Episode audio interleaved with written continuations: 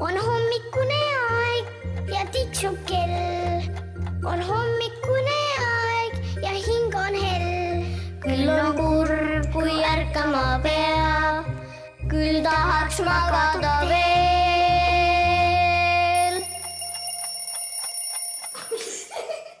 tere, tere hommikust.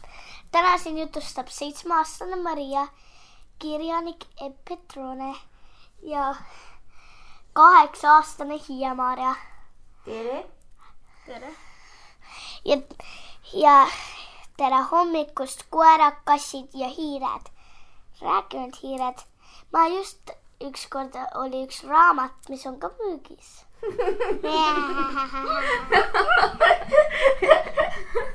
Maria siin eh, tahtis teile alustada hommikujuttu ja tahtis eh, viia juttu sellele, et meil tuli välja uus raamat, meie kodu kirjutatud, minu ja Maria. mis raamat on siis? räägi nüüd edasi ja. Kiire hiir.. kiire hiir. no sellega saab õppida lugema just, ja lugema. no just, olete hiiri näinud? jaa. jah, ma arvan küll. olete hiiri kartnud? ei, ei, teate, et osad inimesed kardavad hiiri? tean. kas teate, et osad kassid kardavad hiiri? ei tea. aa, selline lugu on ka. tegelikult meie kass Kurru Nurru, temast on ka raamat Kurru Nurru vurrud ja see räägib just sellest, kuidas me võtsime Kurru Nurru ja tema pigem natukene kartis hiiri, kuigi me võtsime ta selleks, et ta hakkaks meil püüdma hiiri. aga me ei teadnud, et kasside varjupaigast võetud kassid ei oska tegelikult hiiri püüda, kui nad on lapsest peale seal elanud, sest keegi ei ole neid õpetanud. onju kas nad juua saavad? juua saavad, süüa saavad, aga ei saa õpetust. aga tasapisi õppis Kurru Nurru ka. sel aastal maal õppis ta hiiri püüdma, kuigi ta on juba päris vana mutt. üksteist aastat. kas te mõtlete vahel, mida see tähendab hiiri püüdma? jaa. mis see tähendab? Meil on teine raamat ka ju, hiir püksis. jaa. aga mida see tähendab hiirele? et kass sööb ta ära. kas saab ta kätte ja ja ta ei söögi isegi kohe ära. ta enne tabab ta ära. ta tavaliselt hakkab temaga mängima, miks? sellepärast et mann teab, sest ta nagu noh, tal on lõbus. Sest ta tahab nagu niimoodi mängida, et tal oleks rohkem aega huvitav. kas teie vahel mängite söögiga? mina ei mängi, aga Il- Illu mängib. Illu, sinu väike vend. tal on niimoodi, et kui ta on söömise lõpetanud, ta ei raiska sööki. ta arvab, et ta ei raiska sööki, hakkab mängima noh mm.. ei raiska. nojah, nii võib ka öelda. ja meil äh, tavaliselt maal on äh, see hiirelaipu ja konnalaipu kõik hoov täis. sest keegi kass, meil on mitu kassi. kassid. aga tead, mis ma mõtlen? kui kasse ei oleks, siis oleks kõik hiiri täis.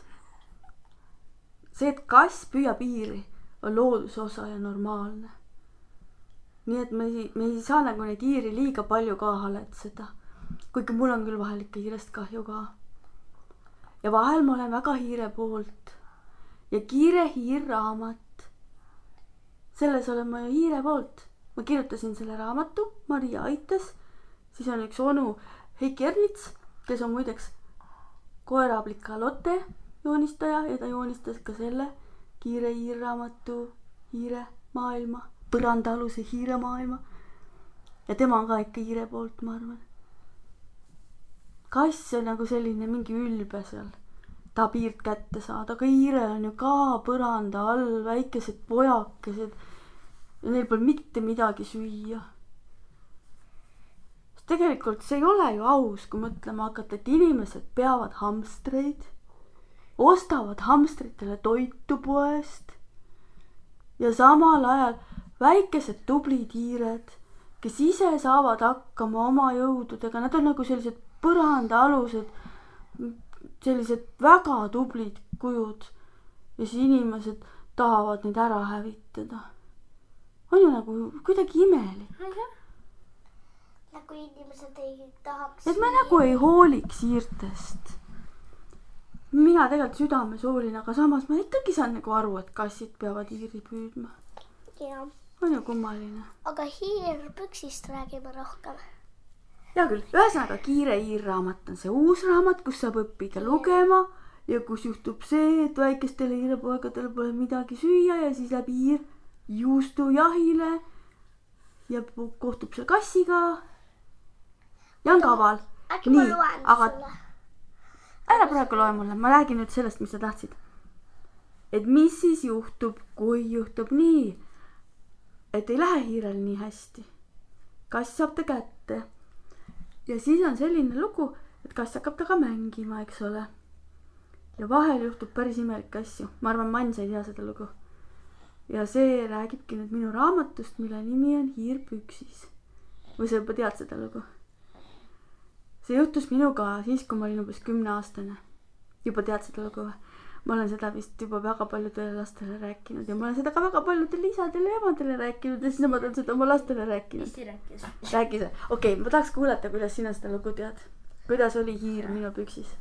et eh, sa hommikul no panid ähm, selgariided ja siis hiir puges sinna sisse ja siis sa mõtlesid, et midagi sügeleb. aa, okei päris nii ei olnud. oota, ma räägin, kuidas tegelikult oli.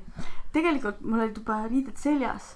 Okei okay,, no see on õige, onju, aga kuidas see täpselt juhtus, oli see, et minu kass Massa püüdis hiire ja ta tuli hiirega uhkustama, hiir oli veel elus. Ja ta tuli hiirega mängima otse meie juurde kööki. ja siis mina kükitasin.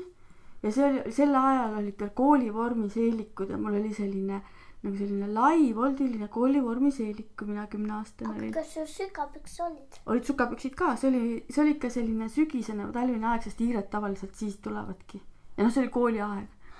ja, ja siis äh, ma kükitasin, hakkasin vaatama, kuidas Massa hiirega mängib. see oli, et hiir jooksis, Massa püüdis ta kinni. hiir jooksis ja Massa jäi lolli näoga vaatama. Sest hiir kadus ära sest hiir jooksis kuskile enam ei olnud ja mina tõusin ka püsti, hakkasin vaatama ringi, et kus see hiir siis on.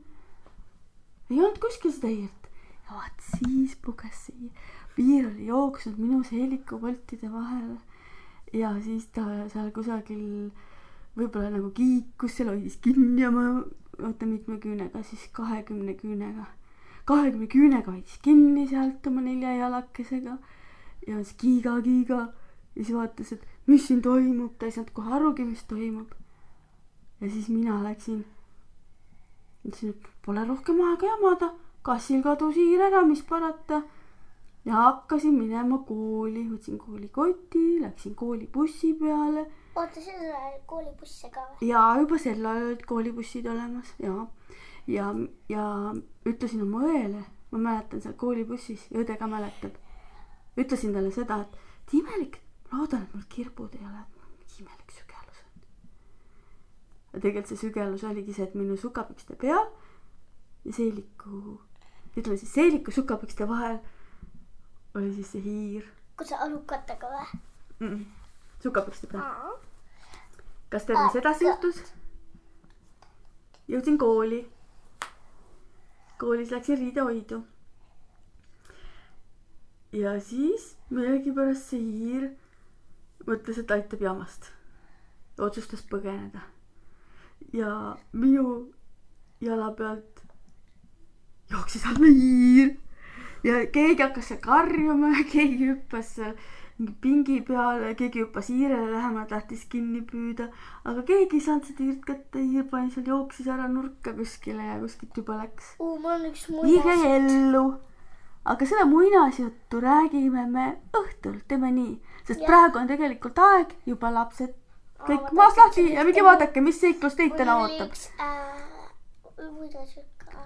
muinasjuttu räägime. millal? õhtul. räägime õhtul, sest praegu on juba ülesärkamise aeg ja minge vaadake, et meil oli väga tore, hea lõpuga hiireseiklus. hiir jäi ellu, jooksis seal kuskil koolis ringi, võib-olla sai sealt teiste koolihiirte hulgas väga kuulsaks. teed hiire häält, jah? minge vaadake, millised seiklused teid täna ootavad. järsku leiate ka mõne sellise loo, mida te saate siis, kui te olete juba suured, kõigile ettejuhtuvatele inimestele jutustada. ilusat hommikut teile. hommik, hommik. on hommikune aeg ja tiksub kell. on hommikune